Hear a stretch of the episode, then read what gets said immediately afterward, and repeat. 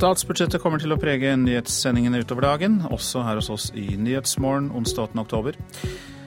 Nå eh, klokka 6.30 er dette hovedsaker. Li Siv Jensen legger altså fram det første statsbudsjettet som den blå regjeringen helt og holdent har hatt hånd om selv.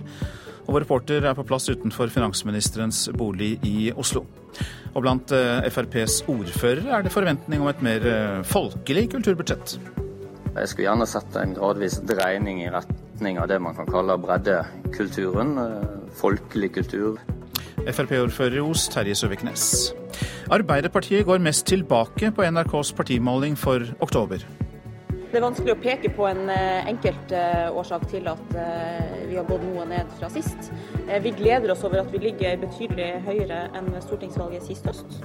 Nestleder i Arbeiderpartiet Helga Pedersen og nødhjelpskoordinator Lindis Hurum i Leger uten grenser kommer i studio for å oppdatere oss om ebolaepidemien.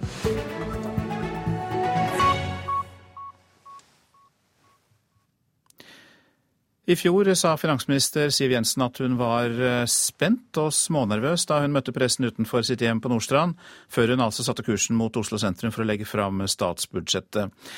I år eh, gjentar det seg, og så spør det, spørs det hvor spent og smånervøs hun er. Bjørn Atle Lillestad, du er til stede utenfor eh, finansministerens bolig, og hva skjer der? Ja, Det skjedde veldig fort i år, for Siv Jensen hun kom ut fem på halv og gjorde under en veldig tapp pressekonferanse en kort brief. Hun kom ikke med noen lekkasjer. Hun er klar på at statsbudsjettet blir lagt fram klokka ti. og ingen eh, konkrete ting. Men hun sier det at det er et eh, budsjett som har et klart stempel fra Frp, henne sjøl. Men med respekt for de hun trenger støtte av, KrF og Venstre, så vil eh, hun legge fram et budsjett som hun håper og tror vil gå gjennom Stortinget med støtte fra disse to partiene. Hun eh, var veldig gira i dag, eh, Siv Jensen. Hun var mm, i godt humør og eh, ikke nervøs, men veldig gira, sa hun. Spent på dagen. Det var et veldig tett program. Hun var på nå i Dagsnytt, eller nå 6.30, og skal på igjen hos oss klokka 7.30 og i Politisk kvarter litt seinere. Og så går det slag i slag for henne med Stortinget selvfølgelig som det aller viktigste, og deretter pressekonferanser og uh, ingen pauser før klokka er 22 i kveld, forteller de. Var det mange pressefolk utenfor finansministerens bolig, Bjørn Atle Lillestad? Det var et stort presseoppbud. 20-30 journalister med fotografer og eh, reportere. Det er jo slik nå at både aviser og andre mediehus har direktesendinger. Så her var det veldig stort oppbud. Men hun hadde ikke tid til å svare på mange spørsmål, og kasta seg rett i bilen før klokka var halv sju, faktisk. Så den sorte bilen er borte, og det samme er finansministeren. Men vi får vel høre mer til henne senere i dag, Bjørn Atle Lillestad. Takk skal du ha. Berit Aalborg, politikk og, eh, politikk og, samfunnsredaktør i Vårt Land, god morgen til deg. Hei. Ja, Vi uh, hørte her at uh, Siv Jensen da sa til de frammøtte journalistene at det skulle være et tydelig Frp-stempel på dette budsjettet, men at det også da var laget i respekt for samarbeidspartiene, altså Venstre og KrF. Og det er ikke så mye av kommentarer vi har fått så langt, men hvordan ser det ut, eh, budsjettet, ut ifra det som er sagt og det som er lekket ut? Ja, ut fra de lekkasjene som, som vi eh, tror vi vet eh, hva budsjettet inneholder, så, så, så, vil jeg gi Siv Jensen rett i at det er et budsjett med veldig tydelig stempel fra Høyre og Fremskrittspartiet. Man favoriserer eh, og gir skattelettelser til de som eh, har inntekt, og de som eh, har formue. Så de vil komme ganske godt ut av det. Så sånn sett er det et blått eh, budsjett. Og så i tillegg så reduserer man noe av sikkerhetsnettet til de som er på trygd og uføre. Altså Man ønsker de over i arbeid. og Det er også veldig sånn klassisk eh, Høyre-Fremskrittspartipolitikk. Så er det det å få budsjettet gjennom i Stortinget, for der er de avhengig av støtte fra KrF eh, og eller eh, Venstre. Hva tror du om det? Ja, og dette vet Vi jo ikke vi vet ikke så veldig mye om eh, en del av de punktene som vil være veldig spennende for dem. Det har vært litt diskusjon f.eks. om bistandsprosenten for KrF, og også delvis Venstre har vært veldig, veldig viktig å beholde en høy norsk bistand. Um, og, og Noen av disse punktene her blir veldig spennende i dag. Og så har Venstre vært veldig opptatt opptatt av det de kaller en, en, eh, grønn skattesnu, altså det at man skal få mer grønne skatter og avgifter. Og så blir det viktig med, med integreringspolitikk, asylpolitikk. Og så har begge de to partiene pekt på at de ønsker en fattigdomspakke. Og vi vet jo ikke hva som kommer her, men det kan jo komme ting her som kan du si sukrer pillen for, eh, for de to sentrumspartiene. Det blir spennende å se. Men allerede det vi vet med en del av disse skattelettene, er ikke så lett for sentrumspartiene, og særlig ikke Kristelig Folkeparti. For å ta det formelle her, altså har støttepartiene på noen som helst måte vært inne i prosessen, eller kun inne i Siv Jensens hode? Nei, De sier jo sjøl at ikke de har vært inne i prosessen, men at de mer høylytt har sittet utenfor og sagt hva de har krevd. Og da er det de punktene som jeg var inne på i stad. Og jeg tror faktisk det er riktig. De har ønsket å være opposisjonspartier på Stortinget. Men det er klart det at eh, som, som begge disse to partiene sa, jeg snakka med, med, folk fra både Venstre og KrF i går, så sa de det at det er jo veldig åpenbart hva vi ønsker. Så sånn sett har de jo vært inne i prosessen. Og så de rød-grønne, da. Hvilken innflytelse kan de klare å få på budsjettet gjennom Stortinget. De er jo i hvert fall opposisjonen. Du kan si utgangspunktet sånn direkte så vil de ikke få noen innflytelse, men indirekte vil de kunne få innflytelse ved at de vil kunne komme med sånne eh, fristepakker til de to sentrumspartiene. Bistandsbudsjettet er et sånn, et, et, et sånn eksempel. Eh, Anniken Huitfeldt i Arbeiderpartiet har jo sagt at hun syns det bør være et større forlik der man har en høy bistandsprosent. Så sånne typer pakker kan de komme inn på som gjør at er, de kan være med å presse sånn at sentrumspartiene får mer gjennomslag. Berit Aalborg, du blir med oss videre. Nå skal vi snakke om kultur knyttet til budsjettet. For når det legges fram i dag, for første gang, så får vi se en kulturpolitikk preget av Fremskrittspartiet i regjering. De håper i hvert fall partiets ordførere. Der er det ønske om mer folkelighet, sier ordfører i Os i Hordaland, Terje Søviknes. Jeg skulle gjerne sett en gradvis dreining i retning av det man kan kalle breddekulturen. Eh, og i tillegg at man da forutsatte at eh, hovedtildelingene skulle gå til barn og unge. Når statsbudsjettet legges frem i dag, har Fremskrittspartiet for første gang vært med på å bestemme hvor mye av pengesekken som skal gå til kultur. Blant partiets ordførere er det forventninger om at det rykende ferske budsjettet vil være preget av folkelighet og støtte til frivillighet i kulturlivet. For FrPs ordfører i Os i Hordaland, Terje Søviknes, er det også viktig at kommuner og fylkeskommuner får mer makt over kulturmidlene. Mye av eh, kulturbudsjettet i dag blir jo styrt fra Oslo, fra statlig hold, og relativt lite blir eh, opp til lokale myndigheter. NRK har snakka med flere av FrPs ordførere rundt om i landet om hva de forventer av partiet sitt på kulturfronten. Mer til barn og unge, bedre ordning for frivilligheten, mer makt over kulturmidlene til kommuner og fylkeskommuner trekkes frem som viktig. I Hadsel i Nordland tror ordfører Kjell Børge Freiberg at brukere av det han kaller smalere kultur, må finne seg i dyrere billetter med Frp i regjering. Det tenker jeg er de godt arbeidsføre menneskene som er fullt ut i stand til å betale for sine kulturaktiviteter sjøl. Da tenker jeg på de som uh, har en uh, gjerne en smal form for uh, kulturinteresse, som da oppebæres av i hovedsak statlige midler. Så Hvis man skal gjennomføre FrPs kulturpopulistiske linje 100% så er det jo snakk om en 100% omlegging av hele kulturbudsjettet. Det er jo helt urealistisk. Det sier medredaktør i tidsskriftet Minerva, Christiane Meisingseth. Han tror Frp kan få gjennomslag for endringer for frivillig arbeid og det han kaller symbolske endringer i mediestøtten, men han tror ikke partiet vil prioritere en hard kamp om kulturpolitikken. Nei, jeg er redd for at de ikke vil merke det noe særlig i det hele tatt. Det er jo liksom, fristende å spekulere i at noe av årsaken er at uh, kulturlivet egentlig ikke er så veldig viktig, så man gidder ikke å ta liksom, de, de vanskelige fightene. Reporter Kristin Esche Holm.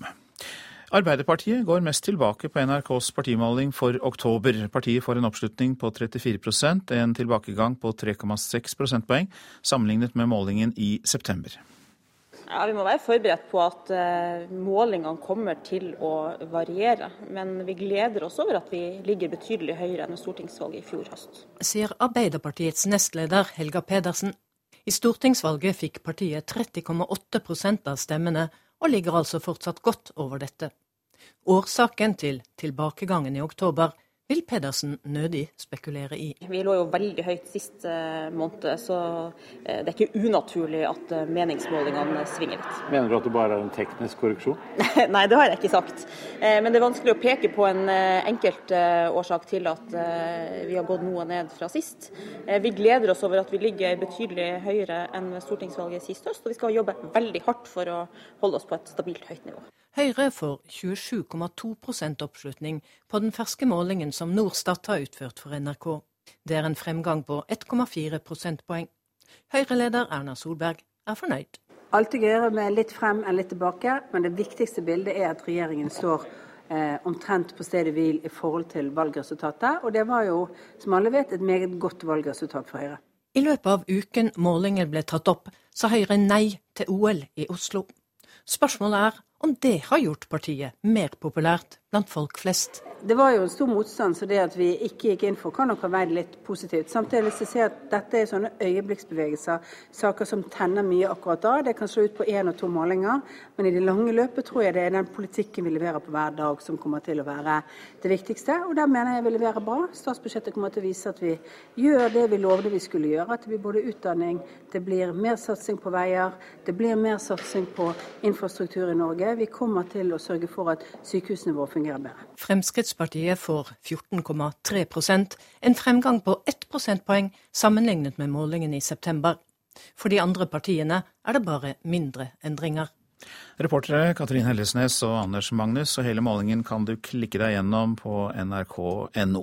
Berit Aalborg, politi- og samfunnsredaktør i Vårt Land, du er fortsatt eh, med oss. Og hva syns du er mest interessant ved denne målingen? Jeg syns det er interessant at de to regjeringspartiene Høyre og Fremskrittspartiet gjør det såpass bra. Og jeg tror det handler litt om altså Det kan ha noe med den LO-saken som dere var inne på i deres sak, men jeg tror også at det kan ha rett og slett med store forventninger til budsjettet som ligger nå. Og Fremskrittspartiet har vært i opposisjon i 40 år. Nå er det deres første budsjett som, som kommer i dag. Så, så jeg tror noe kan ligge der.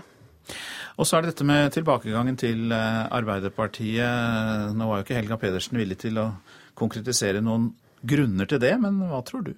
Jeg tror nok det, Hun har nok litt rett i det hun sier om at eh, de lå nok kanskje veldig høyt i forrige måling. Det var tatt opp ikke så lenge etter Eh, altså, det kan fortsatt være denne Støre-effekten man har snakket om. Men det kan også ha faktisk noe med måten Arbeiderpartiet håndterte mm, OL-saken, OL-debatten. Fordi at Støre kritiserte regjeringen veldig hardt uten å komme med noe godt alternativ. Og det kan ha virket litt eh, surmaga når regjeringen eh, faktisk virka nokså handlekraftig. Og så har vi De Grønne. Vi skal ikke glemme dem i denne sammenhengen. For de gjør jo et lite hopp fra 3,3 til 4% Det er ikke så rent lite heller, for så vidt. Eh, hvordan skal vi tolke det? Altså, det er veldig interessant akkurat det også. og Jeg lurer på om det har litt å gjøre med at Miljøpartiet De Grønne har kommet i regjering i Sverige. Og Sånn sett så har vi fått et uh, Miljøpartiet De Grønne i nabolandet vårt som fremstår som et reelt politisk uh, alternativ som kan uh, komme inn i regjering. Det tror jeg kan ha gitt Miljøpartiet Norge et lite boost oppover. Og sentrumspartiene for øvrig, hvordan tror du statsbudsjettet, som jo blir det, store debattemaet nå i dagene framover, vil kunne påvirke dem? Nei, Det er jo veldig spennende å se. Det kommer litt an på øh, hvor mye gjennomslag det oppleves at de får. Og jeg tror jo at de, de, veldig, de, frykter jo veldig De frykter nå rett og slett at de må bruke forhandlingskraften sin på å på en måte rette opp øh, endringer som, som går i veldig blå-blå retning, og at de da ikke, at de ikke da får på en måte friske midler til å bruke, bruke på sine egne ting. Og som en KrF-er jeg snakka med i går, sa det at du vinner ikke et valg på å ha vært øh, brems i fire år. Så de, de, håper nok på at de får noen friske midler her. Og det blir spennende å se både for KrF og Venstre. Nå var det jo en så morgenfrisk og opplagt Siv Jensen eh, som møtte pressen for kort tid siden, at eh, hun faktisk da stilte opp utenfor sitt hus eh, før vi gikk på lufta. Men nå er det heldigvis oppfunnet båndopptakere, slik at vi kan få høre hva hun sa utenfor sitt hjem på Nordstrand i Oslo. Det er viktig at regjeringen legger frem et budsjett som er godt tilpasset norsk økonomi. Det er klart det skjer stadig ting som vi må ta høyde for, og særlig nå. Det er viktig å ha fokus på at norsk økonomi trenger omstilling, og denne regjeringen er i stand til å levere det. Har det skjedd noen Det vil du se når budsjettet kommer klokken ti. Jeg mener at dette er et budsjett som eh, både har en veldig tydelig Fremskrittspartiprofil og en tydelig Høyre-profil. Tror du dette går eh, igjennom? Eh, tror du at du kommer til å få støtte fra KrF og Venstre? Jeg har stor respekt for at det budsjettet som denne Høyre-Frp-regjeringen, som er en mindretallsregjering, legger frem, også skal forhandles om, fordi Kristelig Folkeparti og Venstre nok også vil ha behov for å eh, sette sitt stempel på det. Sånn er det i et samarbeid, og det er jeg helt sikker på skal gå på en utmerket måte. Er du nervøs i dag? Jeg er eh, skjerpet og spent, selvfølgelig er jeg det. Jeg har tullet litt med det, sagt jeg føler at jeg har gått høygravid nå i veldig mange uker. Og i dag er tiden for forløsning. Ja. Men du er ikke redd for at KrF og Venstre kan sette en, blokkere et budsjettflertall? Jeg syns vi fire har en eh, veldig god relasjon og eh, samarbeider godt. Og anstrenger oss eh, i alle tilfeller for å finne frem til en god løsning. Vil det være mange overraskelser i, når det kommer? Ja, jeg håper det vil være en del positive overraskelser som mange kan glede seg over de neste året. Men nå er jeg nødt til å gå. Takk skal dere ha. Og Dermed gikk hun. Berit Aalvag, du er fortsatt her. Og helt sånn avslutningsvis til deg. Du hørte også dette for første gang nå. Hvilket inntrykk sitter du igjen med? Jeg sitter i grunnen igjen med det inntrykket som jeg har hatt noen eh, de siste dagene. At det er et budsjett som er veldig tydelig blått, og det har tydelig stempel fra Frp og Høyre. Så blir det spennende å se om det er noen andre overraskelser i løpet av dagen, og det er jo alltid det et statsbudsjett. Mange takk skal du ha, Berit Aalborg, som også er politikk- og samfunnsredaktør i eh, Vårt Land. Så til det avisen for øvrig er opptatt av i dag. Ebolaepidemien setter sitt preg på flere av forsidene. Vi har gjort for lite for seint, sier smitteverneksperter til Aftenposten. Først når ebola kommer til Vesten vil alt settes inn for å bekjempe epidemien, sier eksperter Dagsavisen har snakket med. Alt du må vite om ebola, skriver VG, som har hentet inn svar fra flere leger. Et av svarene er at du ikke behøver å være redd for å bli smittet i Norge. Noen av de beste årene i mitt liv, sier Stein Erik Hagen om tiden som Rimi-kjøpmann til Dagens Næringsliv. Men han lever godt med at Rimi-navnet forsvinner når Coop tar over butikkene fra Ica. Hagen er bekymret for konkurransen i dagligvarebransjen, og tror det ville vært umulig å slå seg opp som kjøpmann nå. Bilder av rotete og skitne rom på forsiden av Bergens Tidende viser et bilverksted der ulovlige innvandrere både sov og jobbet. Av 14 ulovlige bilverksteder og bilpleiesentre i bergensområdet er halvparten stengt etter at Arbeidstilsynet og andre etater har vært på inspeksjon. Regjeringen må levere skattelette for å blidgjøre velgerne til Høyre og Frp, viser en meningsmåling gjort for Nasjonen. Men de fleste vil bli skuffet, sier økonomiprofessor. Hjelpearbeid som det legen Mats Gilbert har drevet for palestinerne i Gaza, kan bli straffbart dersom eh, lovforslaget om fremmedkrigere blir innført. Advarselen kommer fra Røde Kors, skriver Klassekampen. Dette må du fikse, Siv, sier Carl I. Hagen til Dagbladet. Han stiller krav til Frp-leder og finansminister Siv Jensen om bruk av mer penger til veier og helse, og, et, eh, og at handlingsregelen for oljepenger må skrotes. Jakten på gull dreper de grønne skoger. Gullgraverne hugger ned verdifull regnskog i Peru, kan vi lese i Vårt Land. Og samtidig som Perus president mottar 1,8 milliarder kroner fra Norge for å verne regnskog, angriper han miljøvernere som vil stoppe gruvedrift i regnskogen. Droppet ut av skolen, tar nå doktorgrad. Nordlys forteller om 28 år gamle Einar Holsbø, som aldri fikk noe vitnemål fra Vadsø videregående skole, men som til slutt innså at han ikke kunne ha vikarjobber hele livet. Etter videregående som privatist er han i gang med doktorgrad i informatikk. Klokka er 6.49 der, og vi har disse hovedsakene. Siv Jensen sier at statsbudsjettet får et klart Frp-Høyre-stempel, men at det er utarbeidet i respekt overfor støttepartiene Venstre og KrF. Arbeiderpartiet går mest tilbake på NRKs partimåling for eh, oktober. Partiet får en oppslutning på 34% en tilbakegang på 3,6 prosentpoeng sammenlignet med målingen i september. Og flere nordsjødykkere har eh, ikke fortjent millionerstatningen. Det er påstanden i en ny bok vi snart skal høre mer om.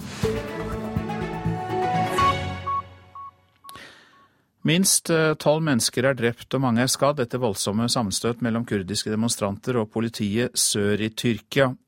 Demonstrantene anklager tyrkiske myndigheter for å støtte den militante islamistiske gruppa IS, som er i ferd med å få kontroll over den strategisk viktige syriske grensebyen Kobani. Det startet rolig med slagord og kvinner som demonstrerte med å slå på grytelokk. Noen av demonstrantene satte så fyr på biler og bildekk. Og opprørspolitiet brukte vannkanoner og tåregass. Kurderne anklager tyrkiske myndigheter for å støtte den militante islamistiske gruppa IS, som er i ferd med å få kontroll over den strategisk viktige syriske byen Ain al-Arab, på grensa til Tyrkia. Byen kalles Kobani på kurdisk. Demonstrantene mener tyrkiske regjeringsstyrker må komme den kurdiske militsen som slåss mot IS i byen til unnsetning. Minst tolv mennesker ble drept og mange skadd i uroligheter flere steder i Tyrkia i går kveld og i natt. Ifølge BBC kan det være snakk om timer eller dager før IS har kontroll over den viktige grensebyen, på tross av at den USA-ledede koalisjonen i natt skal ha gjennomført nye flyangrep mot IS sine stillinger. FNs spesialutsending til Syria, Staffan de Mistura, er bekymret. The world, all of us, will regret deeply if Verdenssamfunnet vil angre dypt hvis IS får mulighet til å ta over byen, som har forsvart seg så tappert, men som nå er i ferd med ikke å klare det lenger. Vi må handle nå, sier FNs spesialutsending innstendig. Reporter her, Inger Marit Kolstad Bråten. Langt færre nordsjødykkere døde på norsk sokkel enn hva folk tror, og dykkerne hadde ikke veldig mye dårligere helse enn folk flest. Ja, disse kontroversielle påstandene kommer fra forfatter Frode Fanebust i boka Dypt urettferdig. Han mener i boka da at enkelte dykkere nærmest har lurt staten til å betale rekorderstatninger. Dette er et opptak fra et dykk som holdt på å gå veldig galt i Nordsjøen. Dramatikk, fare og mot. Det er hva vi kanskje oftest forbinder med de som dykker i oljeindustriens pionertid. I boka 'Dypt urettferdig' rokker forfatter Frode Fanebust ved bildet av nordsjødykkerne som moderne norske helter som ofra liv og helse for Norges oljerikdom. Kort fortalt så syns jeg kanskje at den uh, historien med helter og ofre, den har blitt uh, overdrevet. Arbeidsforholdene i Nordsjøen har vært vanskelige. For det første, det var færre dykkere som omkom i Nordsjøen enn det folk kanskje tror. Fanebust skriver at 17 dykkere døde i Nordsjøen av 288 oljerelaterte dødsfall totalt. Fire av dykkerne som døde, var nordmenn. Essensen er at de uh, tallene som vi kjenner til bl.a. for uh, dødsfall, for ulykker, for uføretrygd osv., er nok ganske kraftig overdrevet. Uh, virkeligheten er ikke så stakkarslige. Nylig ble nordsjødykkere med psykiske eller fysiske lidelser i gjennomsnitt tilkjent 2,2 millioner kroner hver i erstatning fra staten. Dykkerne har da totalt fått rundt 5,8 millioner kroner i erstatning. Fanebust mener flere har fått penger som de ikke fortjener. Jeg tror det er ganske åpenbart at det er en del som har slengt seg på Eh, og fått urettmessige utbetalinger. Rolf Guttorm Engebretsen har kjempa dykkernes sak i to tiår, og er en av de som får sterk kritikk i boka. Politikere er mye mer forstandige enn den forfatteren her, i alle fall, som surrer sammen eh, fakta og eventyr og begrep så det ikke, henger ikke på greip. Han sier jo bl.a. at det er mye færre som døde på norsk sokkel blant dykkerne enn det man har fått inntrykk av til nå. Hva sier du til det? Ja, Han refererer jo til Arbeidstilsynet sitt uh, reglement, og det stater i retten at det er fullstendig mangelfullt. Så det er flere enn de 17 som han uh, refererer til, som døde på norsk sokkel, dykkere? Ja, det er det. Reporter her var Rolf Christian Toppdal. I Oslo jobber altså da et spesialteam med å kurere den norske hjelpearbeideren for eh, ebola. Det hørte vi jo mye om i går. Da kom hun jo med ambulansefly fra Sierra Leone. Og Lindy Surum, du er nødhjelpskoordinator i Leger uten grenser. Du har vært i Liberia i Vest-Afrika selv nylig. Og eh, det er jo ikke kjent nøyaktig hvordan denne norske kvinnen ble smittet, men generelt kan du Si noe om eh, på hvilke måter helsearbeidere kan risikere å bli smittet. Ja, Det er jo i direkte kontakt eh, med en smittet person. Og komme i direkte kontakt med kroppsvæsker til en som allerede har utviklet symptomer på, på ebola.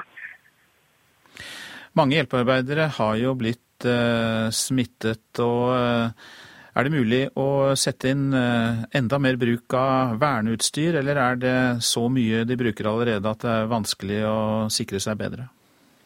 Ja, Vi stoler veldig mye på, jeg stoler på eh, det utstyret og de eh, prosedyrene vi har. Hvis de ikke hadde fungert, så ville vi jo sett veldig mange flere som hadde blitt smitta. Så det er, det, vi er jo i ferd med å Eller vi jobber i verdens største utbrudd noensinne. Det innebærer en viss risiko, og det må vi ta inn over oss og være veldig skjerpa. Det er også viktig, og sånn som når jeg var i Monrovia, så er det såpass mange som, som potensielt er smitta. Det er jo ikke bare inne på våre mottakssentre at eh, ebolaviruset finnes. Det finnes også ute i samfunnet. Eh, og det er viktig å være skjerpa til enhver tid, ikke bare når man er eh, inne på jobb i direkte kontakt med syke pasienter. Hvor viktig syns du det er at Norge sender flere hjelpearbeidere til denne krisen? Det syns jeg er helt avgjørende for at vi skal kunne stoppe det her. Og det må skje raskt. Det Tidsspørsmålet her er, er alfa og omega hver eneste dag blir dette vanskeligere å stoppe. Eh, bare på det senteret jeg arbeider, så dør det i dag 20 mennesker hver eneste dag. Selv om flere helsearbeidere da kan risikere å bli smittet, de også? Ja, altså Hvis vi vil at dette skal stoppe, og at dette ikke skal spre seg videre, så er det eneste riktige å gjøre er å reise ned og stoppe der hvor epidemien startet, og der hvor epidemien eh, i dag eh, herjer som verst. Eh, og vi må dra ned og hjelpe de, de, som trenger det mest. Det er der nede hjelpen trenger. Vi må ha fokuset vårt vekk herfra og ned dit hvor, eh, hvor det virkelig er behov. Til slutt, eh, er det noen, en person som har eh, hatt stor innvirkning, påvirkning på deg av de du har behandlet? Nå er ikke jeg direkte behandlet, for jeg er koordinator, men det gjør jo inntrykk å jobbe, jobbe med veldig mange lokale kollegaer som vi ansetter lokalt, flere hundre. Som jo også kommer på jobb hver eneste dag, selv om de, de lever og bor i denne frykten. Uh, og, og, det å miste en, en lokal kollega, som, uh, som, jeg har opplevd, det er selvfølgelig en veldig sterk opplevelse. og det, det, skjer jo også. Så jeg har jobbet sammen med en sjåfør som, som ble ansatt for å jobbe for oss, som dessverre ble smittet og, og, og døde. Takk skal du ha, Linde Surum, nødhjelpskoordinator i Leger uten grenser, som altså har vært i Liberia i Vest-Afrika nylig. Så skal vi ta for oss eh, værvarselet. Fjellet i Sør-Norge først. Eh, sørøstlig oppe i stiv kuling utsatte steder. Minkende utover formiddagen. Det blir regnbyger og snøbyger faktisk over eh, om lag 1000 meter. Utover ettermiddagen sørlig frisk bris og etter hvert mindre nedbør i fjellet i Sør-Norge. Østlandet og Telemark, der blir det sørvestlig liten kuling på kysten og perioder med stiv kuling første del av dagen. Og så løyer vinden etter hvert. Det blir regn og regnbyger eh, på Østlandet og i Telemark, vesentlig da først på dagen, og lokal torden også først på dagen. Så går vi til eh, Agder. Stiv kuling på kysten i ettermiddag, eh, bris. Og det blir skiftende skydekke i Agder. Regnbyger, lokal torden først på dagen. Rogaland eh, sørvestlig oppe i eh, stiv kuling, regn og regnbyger. Utrygt for torden. Seint i ettermiddag blir det bris, seinere sørøst liten kuling, og etter hvert lettere vær igjen i Rogaland. Hordaland får sørøst liten kuling utsatte steder og litt regn. Fra i ettermiddag sørlig liten kuling, og det blir økende nedbør i Hordaland. I kveld blir det lettere vær igjen. Sogn og Fjordane får litt regn i dag. I kveld sørlig liten kuling på kysten. Forbigående økende nedbørsaktivitet på kvelden. Møre og Romsdal stiv kuling på kysten i nord, og det blir litt regn. Fra i ettermiddag blir det frisk bris. Det blir oppholdsvær i Møre og Romsdal. I kveld blir det regn sør i fylket. Trøndelag østlig sterk kuling utsatte steder. I kveld liten kuling. Det blir litt regn, vesentlig da i grensetraktene. Nordland østlig periodevis liten kuling. Fra Bodø og sørover periodevis stiv kuling utsatte steder. Det blir lettskyet vær i Nordland, eller delvis skyet oppholdsvær. Mest skyet øst i grensestrøkene. Så var det Troms. Ytre strøk periodevis nordøst stiv kuling utsatte steder. For det meste lettskyet vær. Og Finnmark. Eh, I vest liten kuling på kysten. Enkelte regn- eller sluddbyger, vesentlig i øst. Og Nordensjøland på Spitsbergen til slutt. Eh, rolige vindforhold. Delvis skyet oppholdsvær. I ettermiddag blir det tilskyende. Siv Jensen vil endre handlingsregelen. I dag legger hun fram sitt første egne statsbudsjett. Og tolv drept i Tyrkia. Kurdere beskylder myndighetene for å støtte IS. Her er NRK Dagsnytt klokka sju. For kort tid siden reiste Siv Jensen fra hjemmet sitt i Nordstrand i Oslo, klar for en lang budsjettdag. Hun var i godt humør da hun møtte pressen utenfor sitt eget hjem. Nå kommer altså Siv Jensen eh, ut her. Hvordan har du sovet i natt? Jeg har sovet eh, veldig godt, eh, og ser selvfølgelig frem til ser frem til å legge frem neste års statsbudsjett for Stortinget om noen få timer. Tror du dette går igjennom? Tror du at du kommer til å få støtte fra KrF og Venstre? Jeg har stor respekt for at det budsjettet som denne Høyre-Frp-regjeringen, som er en mindretallsregjering, legger frem, også skal eh, forhandles om, fordi Kristelig Folkeparti og Venstre nok også vil ha eh, behov for å eh, sette sitt stempel på det. Sånn er det i et samarbeid, og det er jeg helt sikker på skal gå på en utmerket måte. Er du nervøs i dag? Jeg er skjerpet og spent, selvfølgelig er jeg det. Jeg har tullet litt med det, sagt jeg føler at jeg har gått høygravid nå i veldig mange uker, og i dag er tiden for forløsning. Ja. Ja, og finansministeren varsler endringer i framtidige statsbudsjetter. I dag kommer nyheten om at hun vil sette ned to ekspertutvalg. Det ene utvalget skal se på handlingsregelen for bruk av oljepenger. Det andre utvalget skal vurdere å innføre flerårige budsjetter og se på om statsbudsjettene i større grad kan skille mellom investering og drift. Minst tolv mennesker er drept og mange er skadet etter voldsomme sammenstøt mellom kurdiske demonstranter og politiet sør i Tyrkia. Demonstrantene anklager tyrkiske myndigheter for å støtte den militante islamistiske gruppa IS. Det startet rolig med slagord og kvinner som demonstrerte med å slå på grytelokk. Noen av demonstrantene satte så fyr på biler og bildekk. Og opprørspolitiet brukte vannkanoner og tåregass. Kurderne anklager tyrkiske myndigheter for å støtte den militante islamistiske gruppa IS, som er i ferd med å få kontroll over den strategisk viktige syriske byen Ayn al-Arab, på grensa til Tyrkia. Byen kalles Kobani på kurdisk. Demonstrantene mener tyrkiske regjeringsstyrker må komme den kurdiske militsen som slåss mot IS i byen til unnsetning. Ifølge BBC kan det være snakk om timer eller dager før IS har kontroll over den viktige grensebyen. Sa reporter Inger Marit Kolstadbråten, NRK Dagsnytt, Arild Svalbjørg. I Nyhetsmorgen sitter vår kommentator Magnus Takvam klar for å vurdere hva vi kan vente oss fra statsbudsjettet. Vi vet at en halv milliard kroner ekstra, ekstra, blir bevilget til kommunale helsetjenester neste år, men regjeringen vet ikke hvor mange som trenger offentlig omsorgsplass. Arbeiderpartiet er mest tilbake på en ny måling, men fortsatt godt over valgresultatet i fjor. Og Helsedirektoratet ber norske helsearbeidere om å melde seg til tjeneste for å bekjempe ebola i Vest-Afrika. Ja, god morgen, Magnus Takvam. God dag, god morgen. Du er politisk kommentator her hos oss. Eh, vi hørte i Dagsnytt eh, en eh, Siv Jensen, en finansminister i godt humør, et budsjett Høyre og Frp har satt sitt preg på, men at hun også da har respekt for at budsjettet skal forhandles om. KrF og Venstre skal jo sette sitt preg på det, som hun sa. Så hva innebærer det i dagene fremover?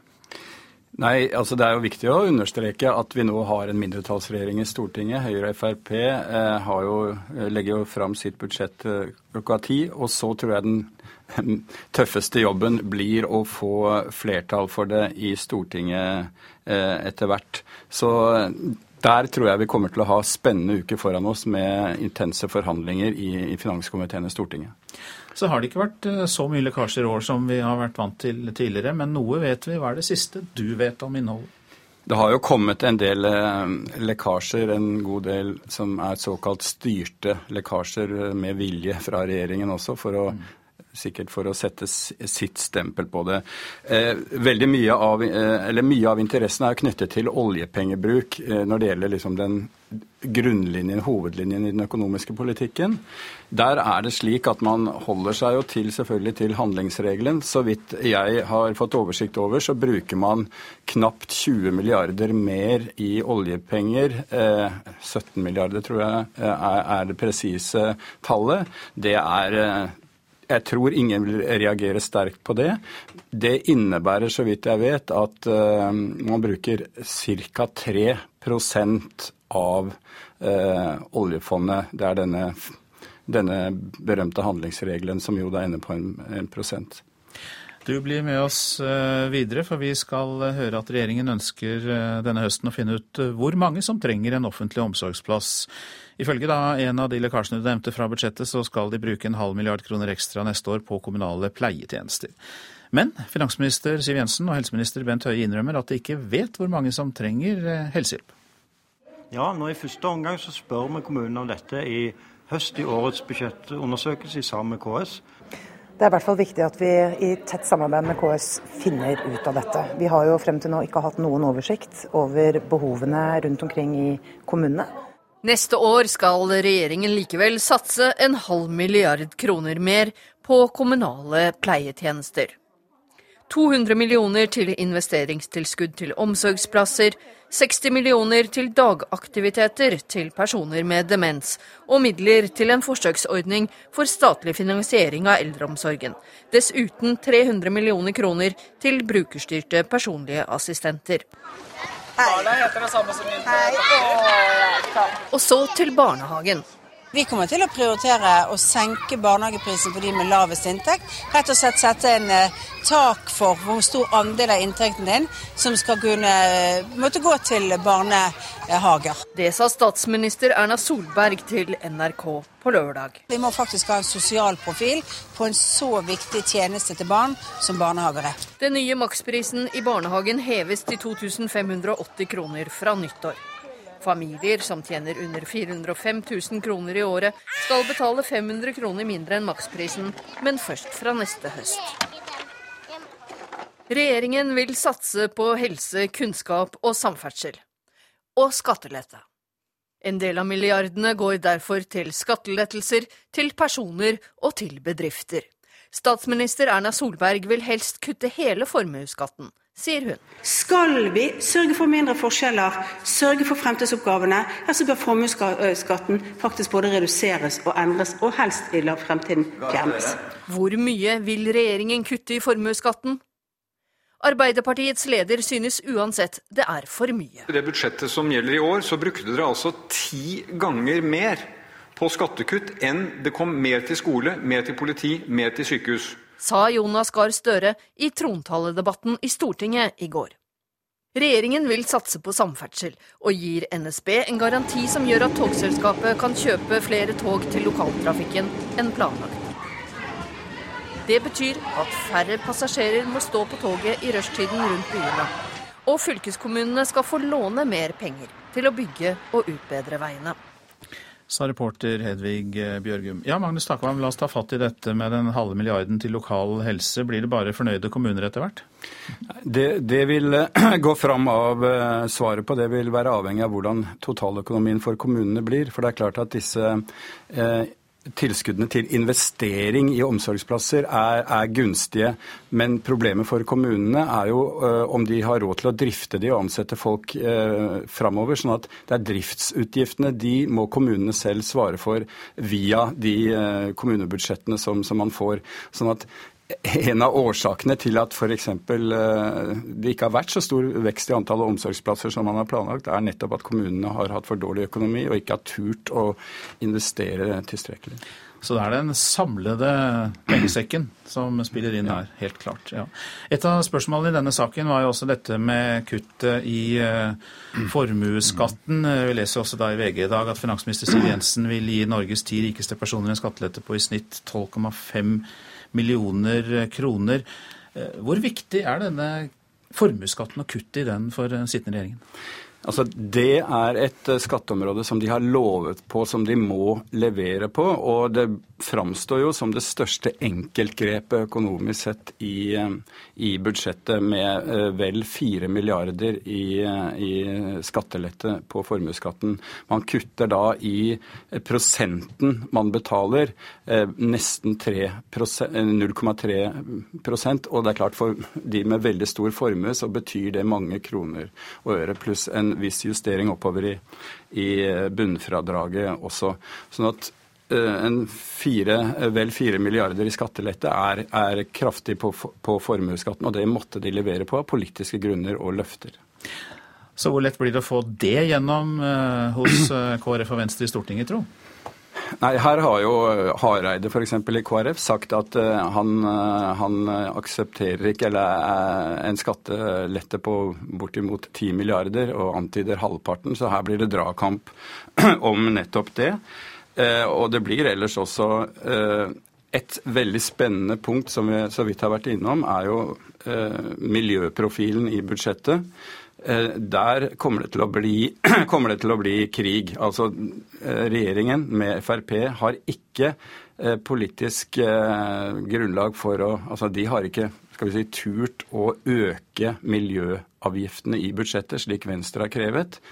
Og det vil, vil bli en veldig viktig stridssak i, i Stortinget. Det blir livatt til Stortinget, helt klart. Du blir med oss videre, for vi har også en meningsmåling eh, gjort for eh, NRK i oktober. Arbeiderpartiet går mest tilbake på den. Partiet får en oppslutning på 34% tilbake 3,6 prosentpoeng sammenlignet med målingen i september. Ja, Vi må være forberedt på at uh, målingene kommer til å variere. Men vi gleder oss over at vi ligger betydelig høyere enn stortingsvalget i fjor høst. Sier Arbeiderpartiets nestleder Helga Pedersen. I stortingsvalget fikk partiet 30,8% av stemmene, og ligger altså fortsatt godt over dette. Årsaken til tilbakegangen i oktober vil Pedersen nødig spekulere i. Vi lå jo veldig høyt sist eh, måned, så eh, det er ikke unaturlig at eh, meningsmålingene svinger litt. Mener du at det bare er en teknisk korreksjon? Nei, det har jeg ikke sagt. Men det er vanskelig å peke på en enkelt årsak til at vi har gått noe ned fra sist. Ja, Reportere her Katrin Hellesnes og Anders Magnus. Ja, Magnus Takvam, eh, Helga Pedersen vil ikke peke på noen enkeltsaker, men hva tror du kan være grunnen til at Arbeiderpartiet har mistet oppslutning? Det er selvfølgelig vanskelig å si fra én måling til, til, en annen. Nå hadde Arbeiderpartiet 37,6% på vår måling sist. Det, er, det, var muligens eh, litt i overkant, så en viss justering nok, ligger nok inne her. Men hvis vi ser på Høyres uh, framgang og kombinerer det, så, så, kan i hvert fall ting tyde på at partiet Høyre ikke har tapt på, snarere vunnet på den striden som, som var om OL, som jo er den eh, største politiske konfliktsaken som har vært eh, de siste dagene. Mange takk i denne omgang, Magnus Takvam, vår eh, politiske kommentator. Helsedirektoratet ber norske helsearbeidere om å melde seg til tjeneste for å bekjempe ebola i Vest-Afrika. Direktør Bjørn Gullvåg vil sende flere norske leger og teknikere, selv om en norsk kvinne er smittet. Det er viktig at vi bidrar mer, sier helsedirektør Bjørn Gullvåg.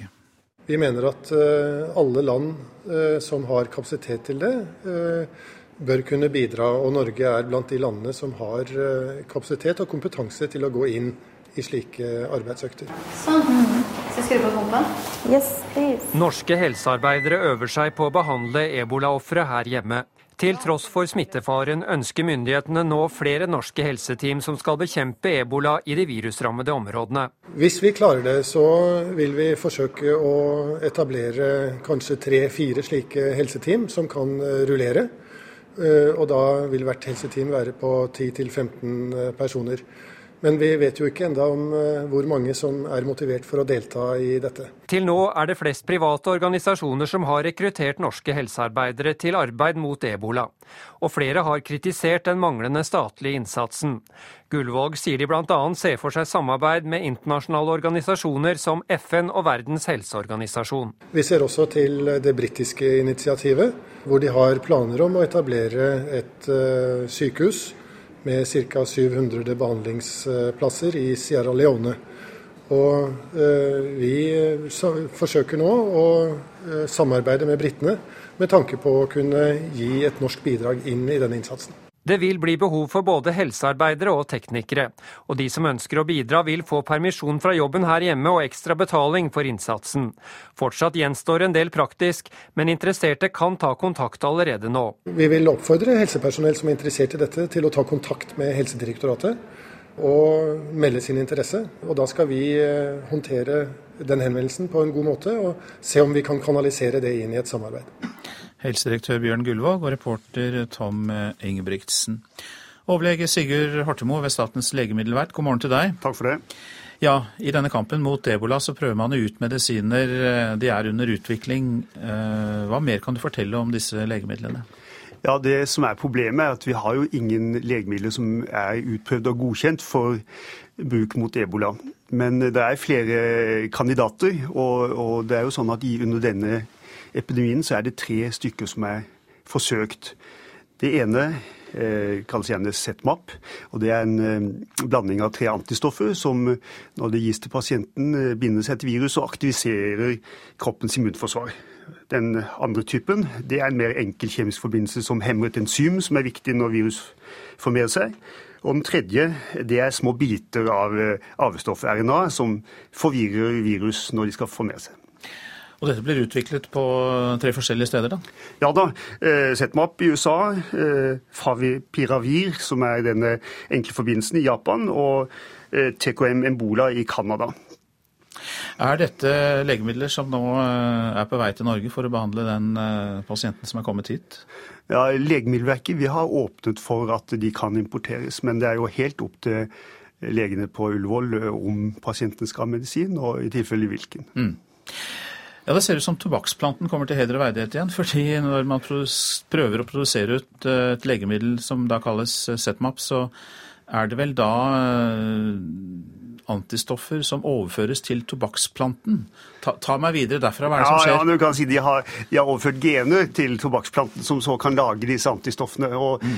og, men det er jo foreløpig veldig småskala produksjon, da. Men, eh, så det, det gir seg uttrykk av at det nå er veldig få doser på markedet. Og ser ut som Norge har fått kanskje en av de siste. da. Men men det er jo ny produksjon i gang, men det er fortsatt småskala. så Jeg, jeg har jo antydet at den neste produksjonsenheten vil være ca. 100 enheter. Men eh, hvorfor er det så småskala? Kunne man ikke bare sette inn eh, trøkket der for å produsere mer? Det er helt klart at der vil det oppskaleres veldig nå.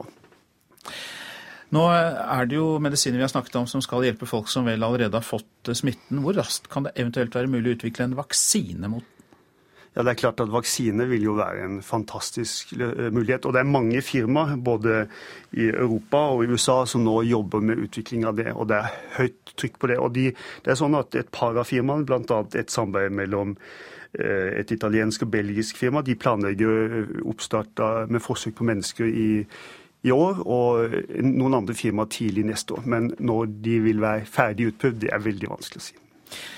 Takk skal du ha, Sigurd Hortemo ved Statens eh, legemiddelverk. Klokka den går mot 7.18, og dette er hovedsaker. Siv Jensen vil endre handlingsregelen. I dag legger hun fram sitt første egne statsbudsjett. Arbeiderpartiet er mest tilbake på ny måling, men fortsatt godt over valgresultatet fra i fjor. Og Helsedirektoratet ber flere norske helsearbeidere om å melde seg frivillig til kampen mot ebola i Vest-Afrika. Minst eh, tolv mennesker er drept og mange er skadd etter voldsomme sammenstøt mellom kurdiske demonstranter og politiet sør i Tyrkia. Demonstrantene anklager tyrkiske myndigheter for å støtte den militante islamistiske gruppa IS, som er i ferd med å få kontroll over den strategisk viktige syriske byen Kobani på grensa til Tyrkia. Midtøsten-korrespondent Sigurd Falkenberg Mikkelsen, du er med oss. Si litt mer om det raseriet som kurderne vender mot tyrkiske myndigheter. Det er jo en enorm frustrasjon og sinne som har bygd seg opp over lengre tid blant kurderne i eh, Tyrkia. For det første så hindrer tyrkisk militære de kurderne som ønsker å krysse grensen for å delta i kampene på syrisk side mot eh, IS. Tyrkerne står også og ser på alt som foregår med sine stridsvogner og soldater, og kampene foregår bare noen hundre meter over grensen. Så er det det underliggende av denne følelsen av at Tyrkia støtter IS. Akkurat det er mye vanskeligere å bevise, men det kommer bl.a. av at tyrkerne har hatt åpne grenser for alle verdens hellige krigere helt siden konflikten i Syria startet. Fra et tyrkisk perspektiv så eh, er det ingen gode løsninger sånn situasjonen eh, er nå. Eh, de har, det er åpenbart at de ikke er veldig interessert i å gripe inn. Det er flere grunner til det. annet så ønsker de å prioritere kampen mot Assad. Og jeg tror også de ønsker å svekke kurderne, om enn til den prisen vi ser nå. Dette er et farlig spill, og hele den fredsprosessen som har gjort at det sørøstlige Tyrkia har vært relativt rolig de siste årene, står nå i fare. Kan det også være slik at uh, tyrkiske myndigheter frykter at uh, de skal ta konflikten over på sitt territorium hvis de går inn aktivt mot IS med bakkestyrker? Ja, det er klart eh, den frykten også ligger der. Akkurat hvordan IS, hva slags organisasjon og hvilke muligheter de har inne i Tyrkia, det skal være usagt. Det er, svirrer veldig mye rykter om det, men det er klart at dette er en frykt også fra, fra tyrkisk side. Ja, Denne grensebyen Kobani har vært omtalt mye i det siste. Kan du oppdatere oss på hva som skjer der nå? Ja, det siste, da, det siste, døgnet så har jo da IS rykket inn eh, i eh, byen. De har etablert eh, posisjoner inne i Kobani for første gang. Eh, vi har også sett de mest kraftfulle amerikanske luftangrepene rundt eh, byen eh, det siste døgnet. det har vært åtte av dem i alt. og Det har nok gitt kurderne litt pusterom. og Det vi hører er at de sier nå at for første gang så er disse angrepene litt effektive. Men uansett, sånn som det står nå, så kjemper kurderne mot eh, strømmen. IS kan fylle på med våpen og soldater, de er bedre utstyrt, eh, mens kurderne kjemper med ryggen mot veggen. Og da jeg snakket både med soldater og flyktninger i grenseområdet i forrige uke, så ba de aldri om humanitær hjelp. Det de ba om, var våpen. Og FNs spesialutsending Staffan de Mesura han sier at verden må handle og gjøre mer. Ja, og Det har jo mange sagt eh, helt siden Syria-konflikten begynte uten at noe har skjedd. og eh, Det speiler jo den impotente politikken som har vært eh, utvist gjennom hele denne konflikten, der sivile lidelser, potensielt villige og gode allierte har vært oversett til fordel for å gjøre ingenting. og Da ender vi opp i en situasjon som denne. Nå vet de ikke helt hva de skal gjøre.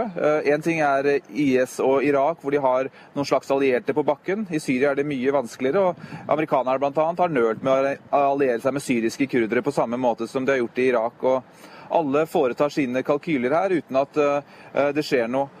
Det finnes alltid mange gode grunner til ikke å gjøre noe i Syria, men prisen for det er at eh, over 200 000 mennesker er drept og millioner er drevet på flukt. Mange takk, Sigurd Falkenberg Mikkelsen, som er vår eh, Midtøsten-korrespondent. Nå til uh, Ukraina og Russland-konflikten. Tidligere president i Ukraina Viktor Janukovitsj skal ha fått russisk statsborgerskap. Det skal også flere andre ledere fra det tidligere regimet, ifølge en rådgiver i det ukrainske innenriksdepartementet. Janukovitsj og flere av hans eh, støttespillere er ettersøkt for å ha gitt ordre om å åpne ild mot demonstranter, og for å ha stukket av med store verdier fra den ukrainske statskassa. Так почему еще до сих пор представители dette er det siste vi har hørt og sett til Viktor Janukovitsj. En tale som ble lagt ut på internett 13.6 i år. Den 64 år gamle tidligere presidenten i Ukraina ble tvunget til å gå av i slutten av februar etter voldsomme demonstrasjoner der mer enn 100 mennesker ble drept. Viktor Janukovitsj var lovlig valgt president med et klart flertall av folk i ryggen i presidentvalget i 2010. Men hans styre ble stadig mer upopulært, særlig blant den delen av befolkningen som mente det var helt feil å si nei til en assosieringsavtale med EU. Etter at han måtte gå av, er det også avslørt at Janukovitsj og hans familie hadde klart å stikke av med store verdier fra den ukrainske statskassen. Disse pengene skal Janukovitsj ha brukt bl.a. til å kjøpe en residens i et område like utenfor Moskva, der mange av Russlands rikeste bor. Huset skal ha kostet mange titalls millioner kroner, kanskje mer. Russiske myndigheter var raskt ute og ga beskjed om at de ville sørge for Janukovitsjs sikkerhet. Men nå skriver Anton Gerasjenko, som arbeider som rådgiver i det ukrainske innenriksdepartementet, at russiske myndigheter skal ha gitt Janukovitsj statsborgerskap. Dette måtte gjøres av praktiske årsaker, fordi Janukovitsj hadde oppholdt seg så lenge i Russland at et forlenget opphold ville være i strid med landets immigrasjons- og visumregler.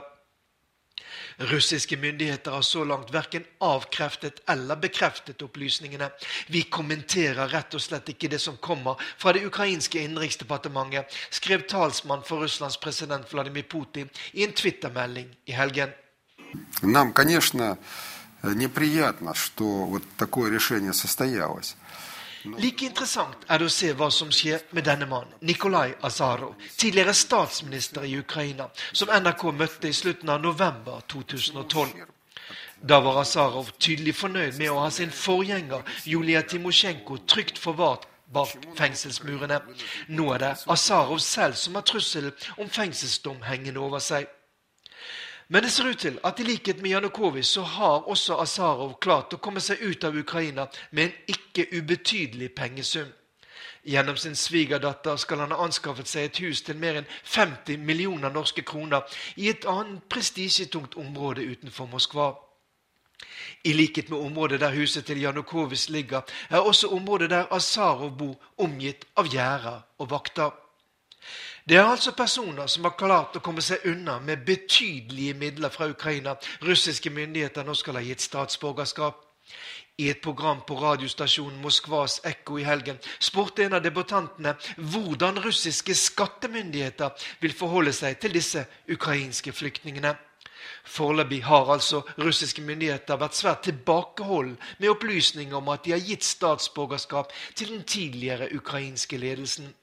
Derfor må disse ukrainske ekspolitikerne nok belage seg på å leve et tilbaketrukket liv i sine villaer. Morten Jentoft, Moskva. Ebolaepidemien setter sitt preg på flere avisforsider her hjemme. Vi har gjort for lite for seint, sier smittevernekspert til Aftenposten. Først når ebola kommer til Vesten vil alt settes inn for å bekjempe epidemien, sier eksperter Dagsavisen har snakket med. Alt du må vite om ebola, skriver VG, som har hentet inn svar fra flere leger. Et av dem er at du ikke behøver å være redd for å bli smittet i Norge. Noen av de beste årene i mitt liv, sier Stein Erik Hagen om tiden som Rimi-kjøpmann til Dagens Næringsliv, men han lever godt med at Rimi-navnet forsvinner når Coop tar over butikkene fra Ica. Hagen er bekymret for konkurransen i dagligvarebransjen, og tror det ville vært umulig å slå seg opp som kjøpmann nå. Bilder av rotete og skitne rom på forsiden av Bergens Tidende viser et bilverksted der ulovlige innvandrere både sov og jobbet. Av 14 ulovlige bilverksteder og bilpleiesenter i bergensområdet er halvparten stengt etter at Arbeidstilsynet og andre etater har vært på inspeksjon. Hjelpearbeid som det legen Mats Gilbert har drevet for palestinere i Gaza, kan bli straffbart dersom lovforslaget om fremmedkrigere blir innført. Denne advarselen kommer fra Røde Kors, skriver Klassekampen. Dette må du fikse, Siv, sier Carl I. Hagen til Dagbladet. Han stiller krav til Frp-leder og finansminister Siv Jensen om bruk av mer penger til veier og helse, og at handlingsregelen for oljepenger må skrotes. Og vi skal fortelle mer om Carl I. Hagen, for han vil nemlig kjempe om topplasseringen på Oslo Fremskrittspartis kommunevalgliste. Hagen er nemlig vraket fra førsteplassen til fordel for Oslo FrPs leder Camilla Wilhelmsen. Men Hagen går inn for kampvotering på nominasjonsmøtet 1.12. Vi har meddelt uh, en stor forsamling i Oslo Fremskrittsparti at på nominasjonsmøtet, uansett hva som skjer før det, så vil jeg være kandidat på den samme plassen jeg hadde sist, nemlig nummer én. I førsteutkastet til kommunevalgliste i hovedstaden var Fremskrittspartiets formann gjennom 28 år foreslått helt nede på femteplass.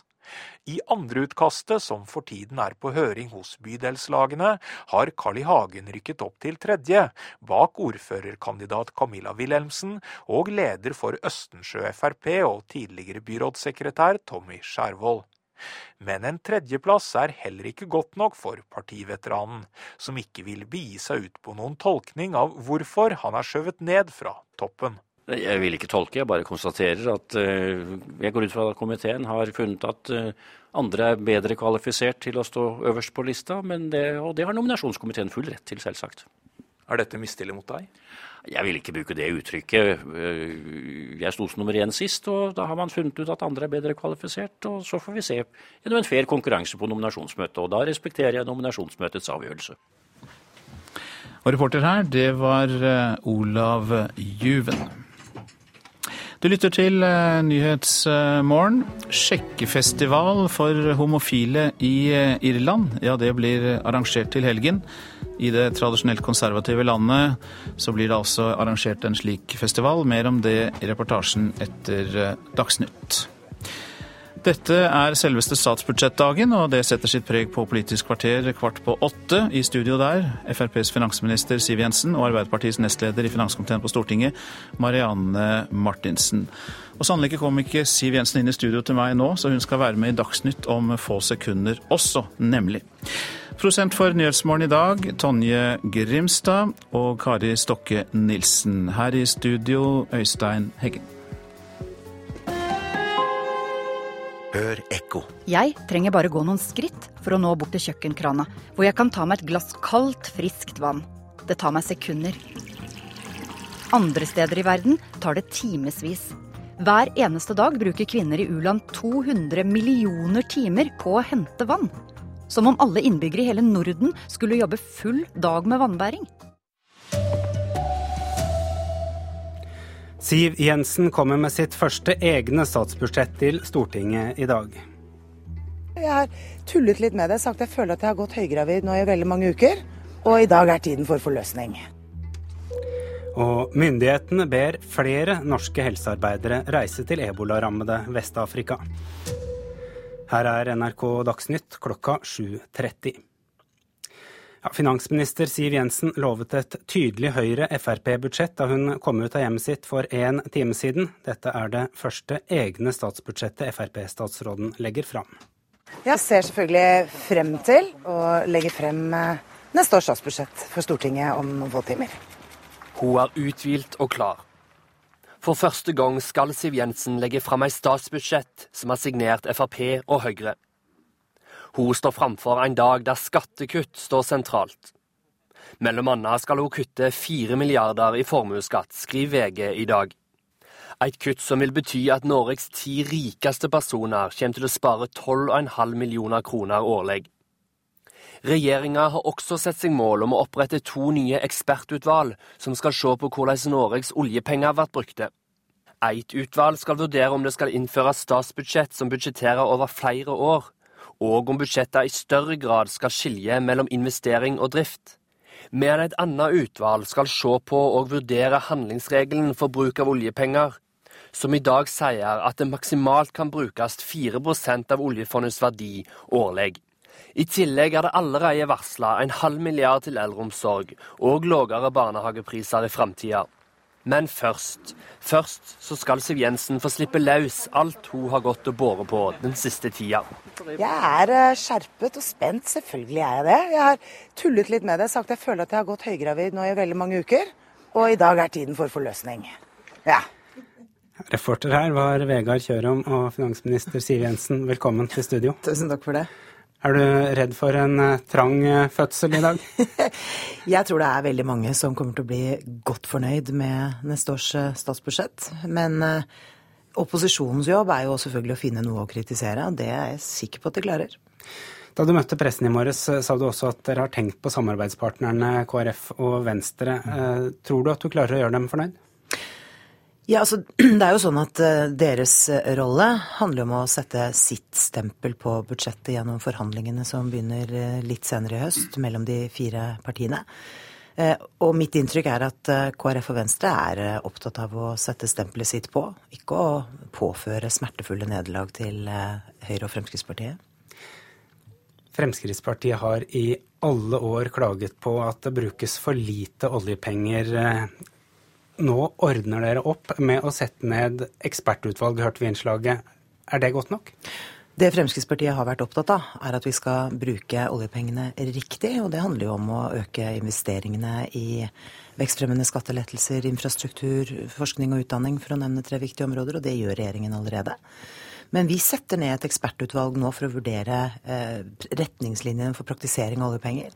Og det handler om eh, både det faktum at oljefondet har blitt veldig stort, og at vi dermed blir mer sårbare hvis det skulle komme store svingninger i fondet. Eh, samtidig som vi blir sårbare hvis det, skje endringer i, hvis det skjer endringer i norsk økonomi. Eh, så vi har bedt professor Øystein Tøgersen om å lede det utvalget for å gi eh, forhåpentligvis kloke råd til regjeringen i løpet av neste år. Takk eh, skal du ha, Siv Jensen. Magnus Takvam, politisk kommentator her i NRK. Hva er det siste du vet om dette budsjettet?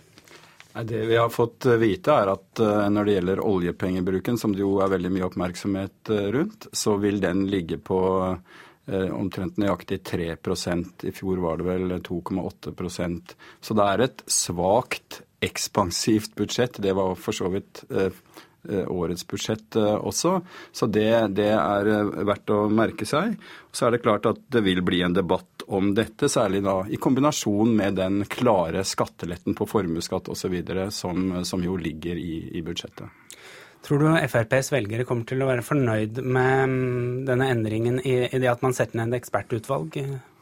Jeg tror ikke de er så opptatt av ekspertutvalg, jeg tror de er opptatt av håndfaste resultater. Og på forhånd så så har det jo vært De lekkasjene som har vært, har jo vært veldig mye eh, konsentrert om samferdsel.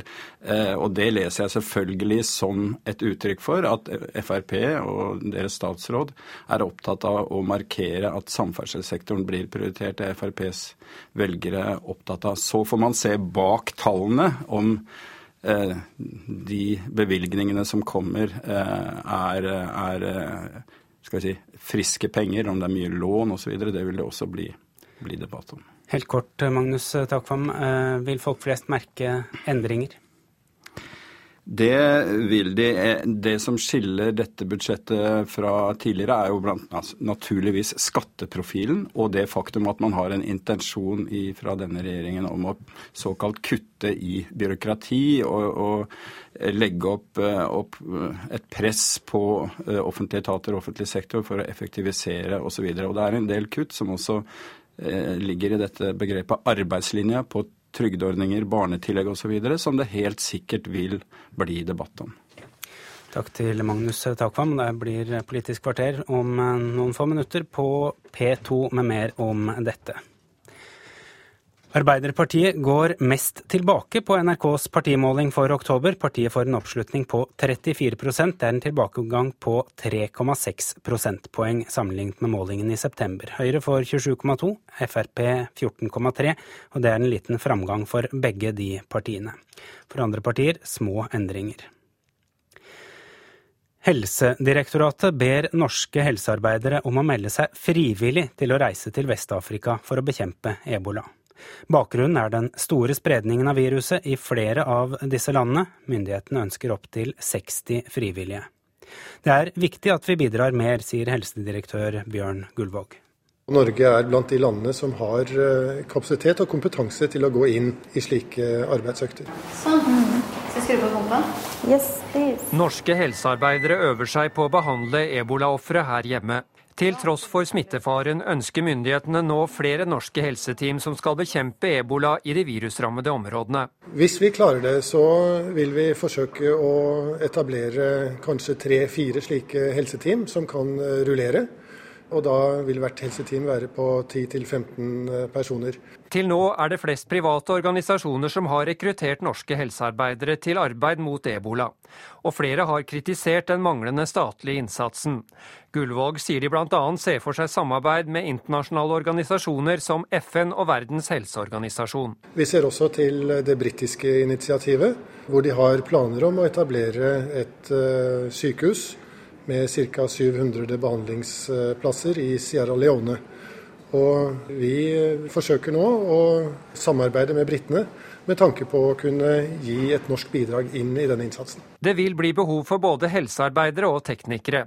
Fortsatt gjenstår en del praktisk, men interesserte kan ta kontakt allerede nå. Vi vil oppfordre helsepersonell som er interessert i dette, til å ta kontakt med Helsedirektoratet. Og da skal vi eh, håndtere den henvendelsen på en god måte, og se om vi kan kanalisere det inn i et samarbeid. Reporter her Tom Ingebrigtsen og Oslo universitetssykehus opplyser at de av personvernhensyn ikke vil gi informasjon om feltarbeideren fra Leger uten grenser som nå er til behandling for ebolasmitte.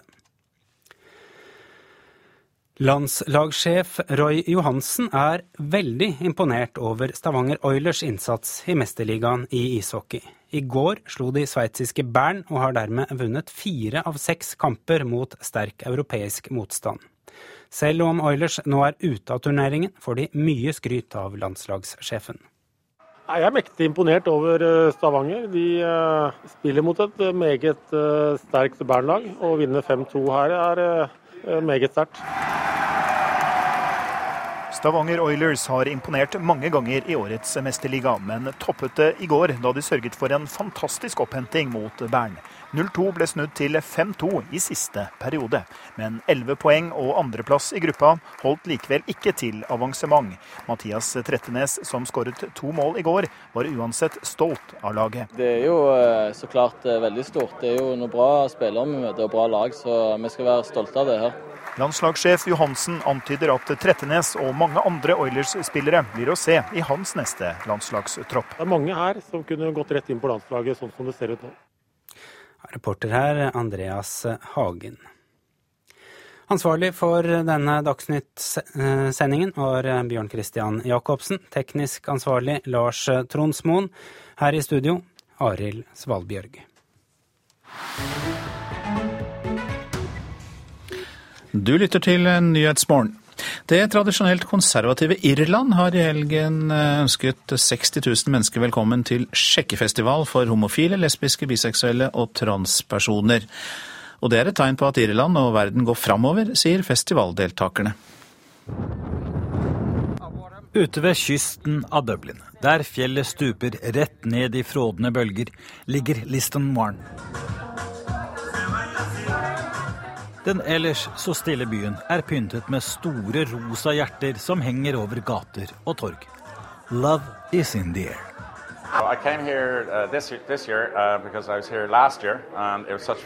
Jeg kommer hit igjen fordi det var så gøy i fjor, sier Tim Furlong. 60 000 mennesker er innom i løpet av helgen. I år er vi samlet flere venner, og vi bare elsker ideen med en sjekkehelg. Alle festene, musikken og showene, sier Følong.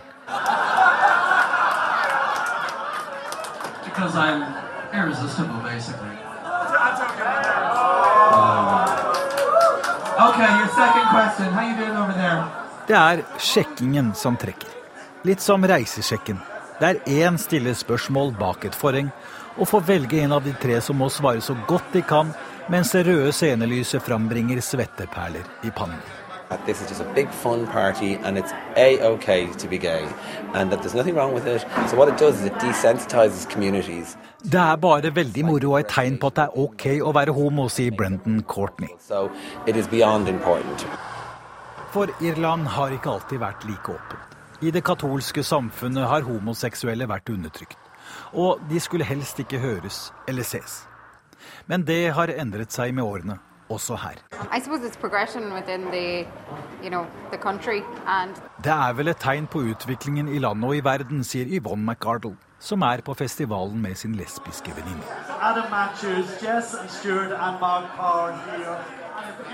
Men sjekkefestivaler eller arrangementer er ikke noe nytt i denne delen av Irland. Selv om det ikke var noen drag queens å se i gatene den gang, forteller Willie Daly, som er fjerdegenerasjons sjekkefestivalarrangør i bygda. My father did a certain amount of matchmaking, you know, but uh, my grandfather did a lot. And that would mainly be at horse fairs, cattle fairs and funerals and weddings. Det kunne f.eks. arrangeres i forbindelse med fesjå, begravelser eller brylluper. Mest sjekking var det i forbindelse med begravelser, fordi da var folk i en sentimental stemning. Men gay var bare et ord for glad den gangen, sier Daly. The word gay had never kind of come into vogue in this area, only as in a happy person. Men ikke alt er like rosenrødt nå heller. Nicholas Constantine går i kirken hver søndag.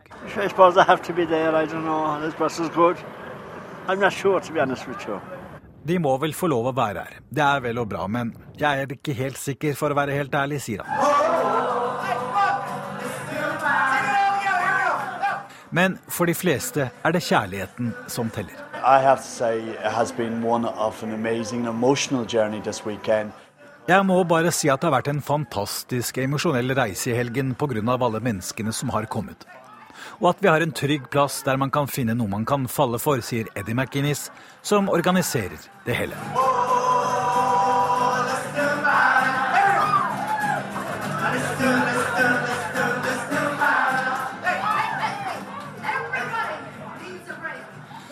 Reporter her, det var Øyvind Nyborg. Dette er hovedsaker i Nyhetsmorgen. Siv Jensen vil endre handlingsregelen. I dag legger hun fram sitt første egne statsbudsjett. Arbeiderpartiet mest tilbake på ny måling, men fortsatt eh, godt over valgresultatet i fjor. Helsedirektoratet ber flere norske helsearbeidere om å melde seg frivillig til kampen mot ebola i Vest-Afrika. Og så minner vi om eh, nettstedet radio.nrk.no, der du kan høre tidligere sendinger fra Nyhetsmorgen og alle andre NRKs radioprogrammer. Der kan du også høre alle våre kanaler direkte. Nå gjør vi klart for Politisk kvarter, og programleder der er Håvard Grønli.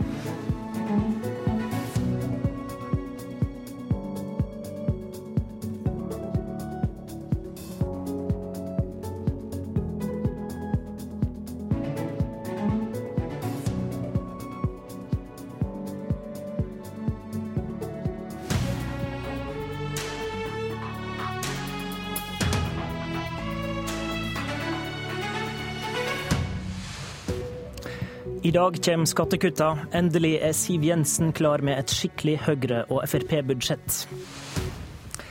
Og enten det bruser i blodet ditt eller det knyter seg i magen når du hører den overskrifta, velkommen til Politisk kvarter.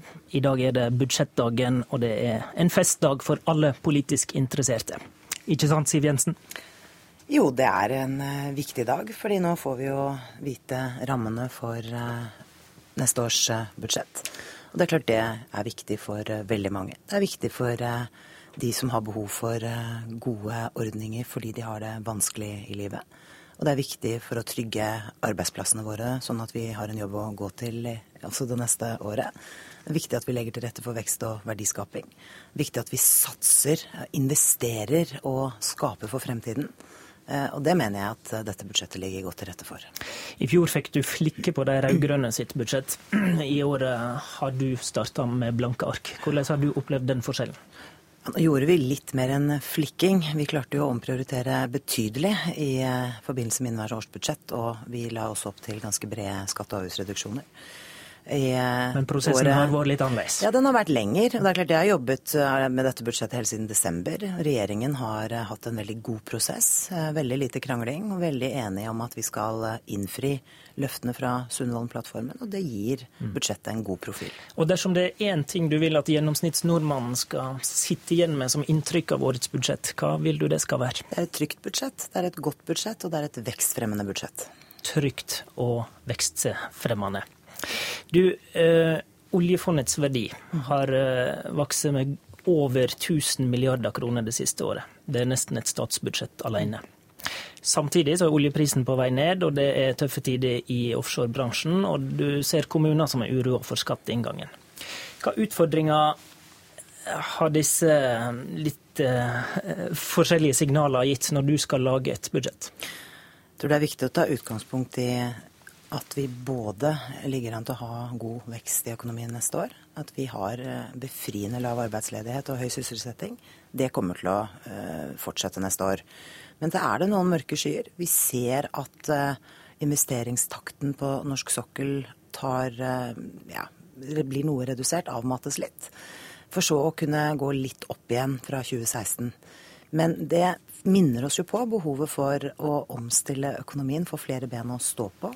Og vi er jo i den lykksalige situasjonen i Norge at vi kan gjøre det eh, uten at det blir for brutalt, for smertefullt. Fordi vi har et arbeidsmarked som veldig lett eh, kan ta imot eh, korreksjoner. Og det er folk nå som får beskjed om at de mister jobben. Og da er det jo godt å vite at det er mange som etterspør den kompetansen de har. Men når du kommer inn på dette, så peker du på at omstilling, effektivisering, slanking blir sentralt nå? Selvsagt blir det det, og vi burde ha satt i gang det arbeidet for lenge siden. Eh, veldig beklagelig at eh, den forrige regjeringen ikke fant det interessant verken effektivisere, kutte eller eh, tenke omstilling i økonomien. Men denne regjeringen gjør jobben. Fordi det er helt nødvendig. Vi trenger å styrke mulighetene for et mer mangfoldig næringsliv fremover. Og da må vi legge til rette for mer investeringer, mer vekst og verdiskaping. Og et av virkemidlene for å gjøre det, er å redusere skattetrykket. Et annet virkemiddel ligger i samferdselsinvesteringer. Det handler om kunnskap, det handler om forskning. Eh, og det handler ikke minst om å tørre å ta noen grep for hvordan vi bruker dine skattepenger i det offentlige. Derfor eh, lager vi nå en reform for å effektivisere og avbyråkratisere eh, statlig sektor. Det er på høy tid. Eh, vi setter ned et ekspertutvalg for å se på hvordan vi kan eh, lage flerårige budsjett og få et tydeligere skille mellom drift og investering. Og vi setter også ned et ekspertutvalg for å se på retningslinjene for praktiseringen av oljepenger. Det handler jo litt om det du selv spurte om, nemlig at eh, pensjonsfondet, oljefondet, har blitt veldig stort. Og brå skift, enten den ene eller andre veien, eh, får eh, påvirker norsk økonomi mer enn det man kanskje tenkte på da man laget handlingsreglene i sin tid. Mm. Hva vil du med det utvalget, da? Jeg vil at de skal gi gode råd til regjeringen om det er behov for å supplere, justere, endre retningslinjene slik at ankefestet blir bedre og mer tilpasset den eh, situasjonen norsk økonomi står i. Er målet en regel for å kunne bruke mer oljepenger, slik Frp har snakka om før? Fremskrittspartiet har hele tiden sagt at vi skal bruke oljepengene riktig, og da fortrinnsvis investere i vekst og verdiskaping. Det legger også Høyre- og Fremskrittspartiregjeringen opp til innenfor eh, en ansvarlig ramme. Så målet med dette handler om ikke å gå, gå bananas med bruk av penger. Det handler om å få bedre verktøy Eh, som er bedre tilpasset de utfordringene norsk økonomi fremover vil ha. Og vi har vært så heldige å få professor Øystein Tøgersen til å lede det utvalget. Og jeg ser frem til de rådene vi får fra han i løpet av neste år. Du har nevnt skatt, som blir sentralt i dette budsjettet. Får de med lave og gjennomsnittlige inntekter noe å glede seg over i dag? Det er en god fordeling i skatte- og avgiftsprofilen, eh, og resten av detaljene i det får dere vite når budsjettet blir lagt frem. Er det et mål med budsjettet at det skal stimulere til økt privat konsum? Det er et mål med dette budsjettet at vi skal få opp eh, vekstevnen i økonomien, eh, få opp verdiskapingen. Gradvis snu den, det fallet vi har sett i produktivitetsvekst gjennom de siste åtte årene. For vi er helt avhengig av hvis vi skal ha konkurransedyktige bedrifter i fremtiden. Vi må sørge for at vi har gode og norskeide bedrifter som eh, vi kan være stolt av. Og da må vi gi de konkurransedyktige rammebetingelser. I trontalen så brukte statsminister Erna Solberg ordet 'grønn' fem ganger i sitt hovedinnlegg. Og i Politisk kvarter i går så satt Venstre og KrF her og lanserte sine miljøkrav. Vil de skatteomleggingene som du kommer med i dag, kunne kalles et grønt skatteskifte? Nå venter vi på to utredninger. Det ene er det såkalte Scheel-utvalget, som skal gi oss råd og anbefalinger om selskapsskatten fremover. Vi har behov for å gjøre store strukturelle endringer i skattesystemet vårt, rett og slett fordi verden har gjort det. Så har vi satt ned en grønn skattekommisjon for å se på hvordan vi kan få vekslet om eh, deler av skattene våre i mer grønn retning. Det er eh, anbefalinger jeg ser frem til å få. Så har jo også regjeringen i sitt budsjett flere klima- og miljøtiltak som vi mener er tilpasset både det faktum at vi må gjøre jobben ute der hvor utslippene er størst, og gjøre det vi kan gjøre hjemme der hvor vi bruker pengene på en fornuftig måte. Budsjettpolitisk skikk og bruk gjør at eh, finansministeren ikke går i debatt før hun har sagt sitt i finanstalen. Men vi vender oss videre til eh, Marianne Martinsen, finanspolitisk talskvinne i Arbeiderpartiet. Ut fra det du har hørt nå og lest de, og sett de siste dagene, hva blir de store budsjettdebattene i høst? Er det, er det skatt det skal dreie seg om?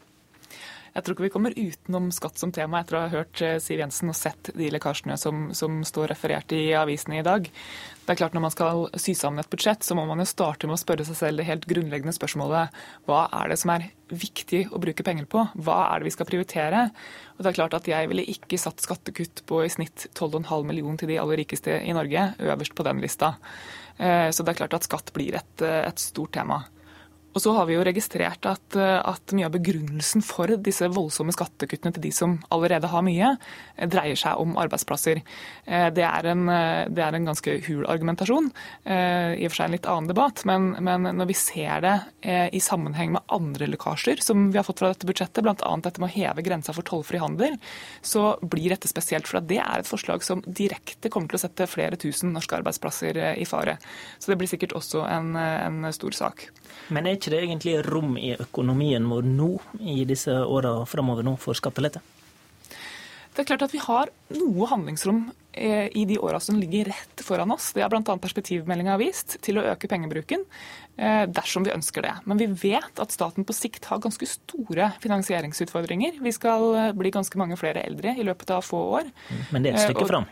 Jo, men det er klart at hvis du kutter massivt i skatter nå, så vil vi ha problemer med å finansiere på sikt. For det å øke skattene er vanskeligere enn å senke dem. Og Når f.eks.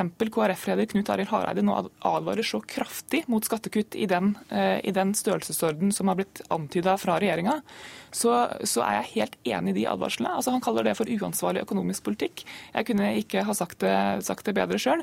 Og jeg håper at mellompartiene tar ansvar og sørger for at man ikke får skattekutt i dette omfanget. Eh, og at man har handlingsrom før Scheel-utvalget. Og Der eh, er du jo inne på noe sentralt i den parlamentariske situasjonen. For um, sentrumspartiene, og særlig KrF, ser jo litt annerledes på skattepolitikk enn regjeringa. Mm. Men har en samarbeidsavtale med mm. regjeringa.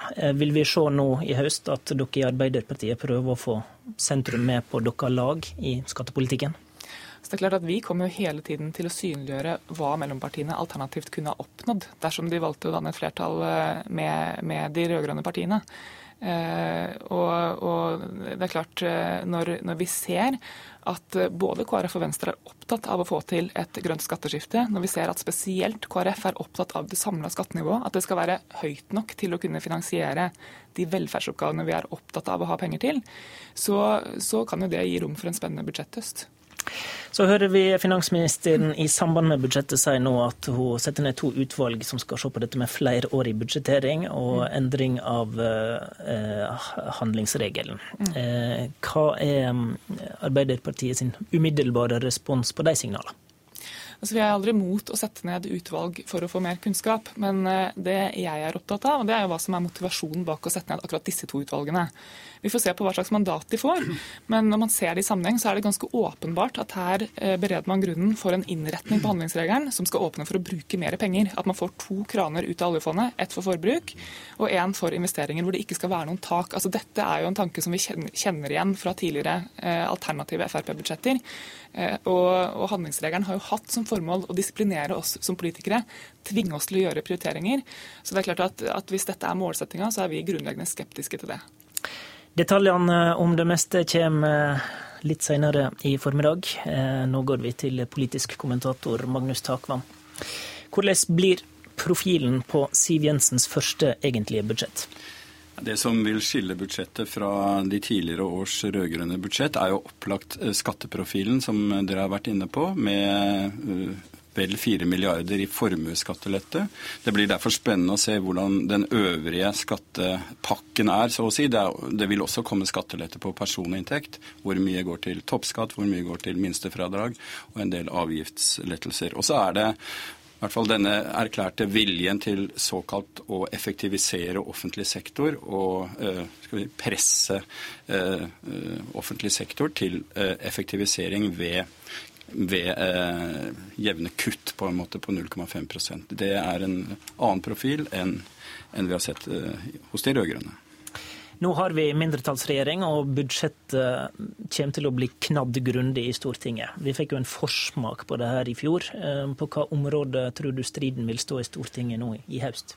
Ja, det ene var dere innom som gjelder en grønn skatteveksling, som partiet Venstre er spesielt opptatt av. Der kommer ikke regjeringen eh, i budsjettforslaget dem i møte, og viser, som også Siv Jensen gjorde til her, at det skal jobbes i en grønn skattekommisjon og vil såkalt avvente det. Men der blir det, blir det en knallhard eh, forhandling for å vri eh, den grønne skatteprofilen for så vidt i, i budsjettet. Eller så blir det om bistandsprosenten.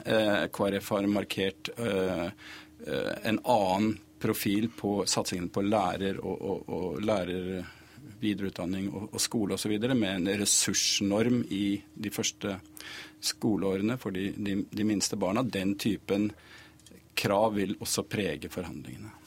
Vil Arbeiderpartiet som sitter her og de rød-grønne kunne påvirke noe i det hele tatt? Ja, det er vel noe av det Marianne Martinsen er inne på, at uh, Arbeiderpartiet vil uh, de appellerer jo til sentrum. altså De, de, vil, de vil, markere et alternativ til Høyre-Frp-regjeringen.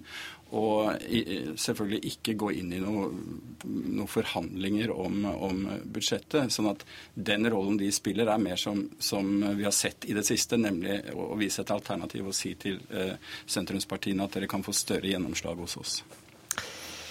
Du får alt om eh, budsjettet direkte på alle NRKs eh, plattformer i dag. Vi holder det gående på NRK1 på TV, på Alltid nyheter og på nrk.no. Eh, de viktigste tidspunktene er som følger. Klokka ti holder Siv Jensen finanstalen i Stortinget. Klokka 12.30 holder hun en pressekonferanse i regjeringskvartalet om budsjettet. Og så går debattene slag i slag. Det var Politisk kvarter.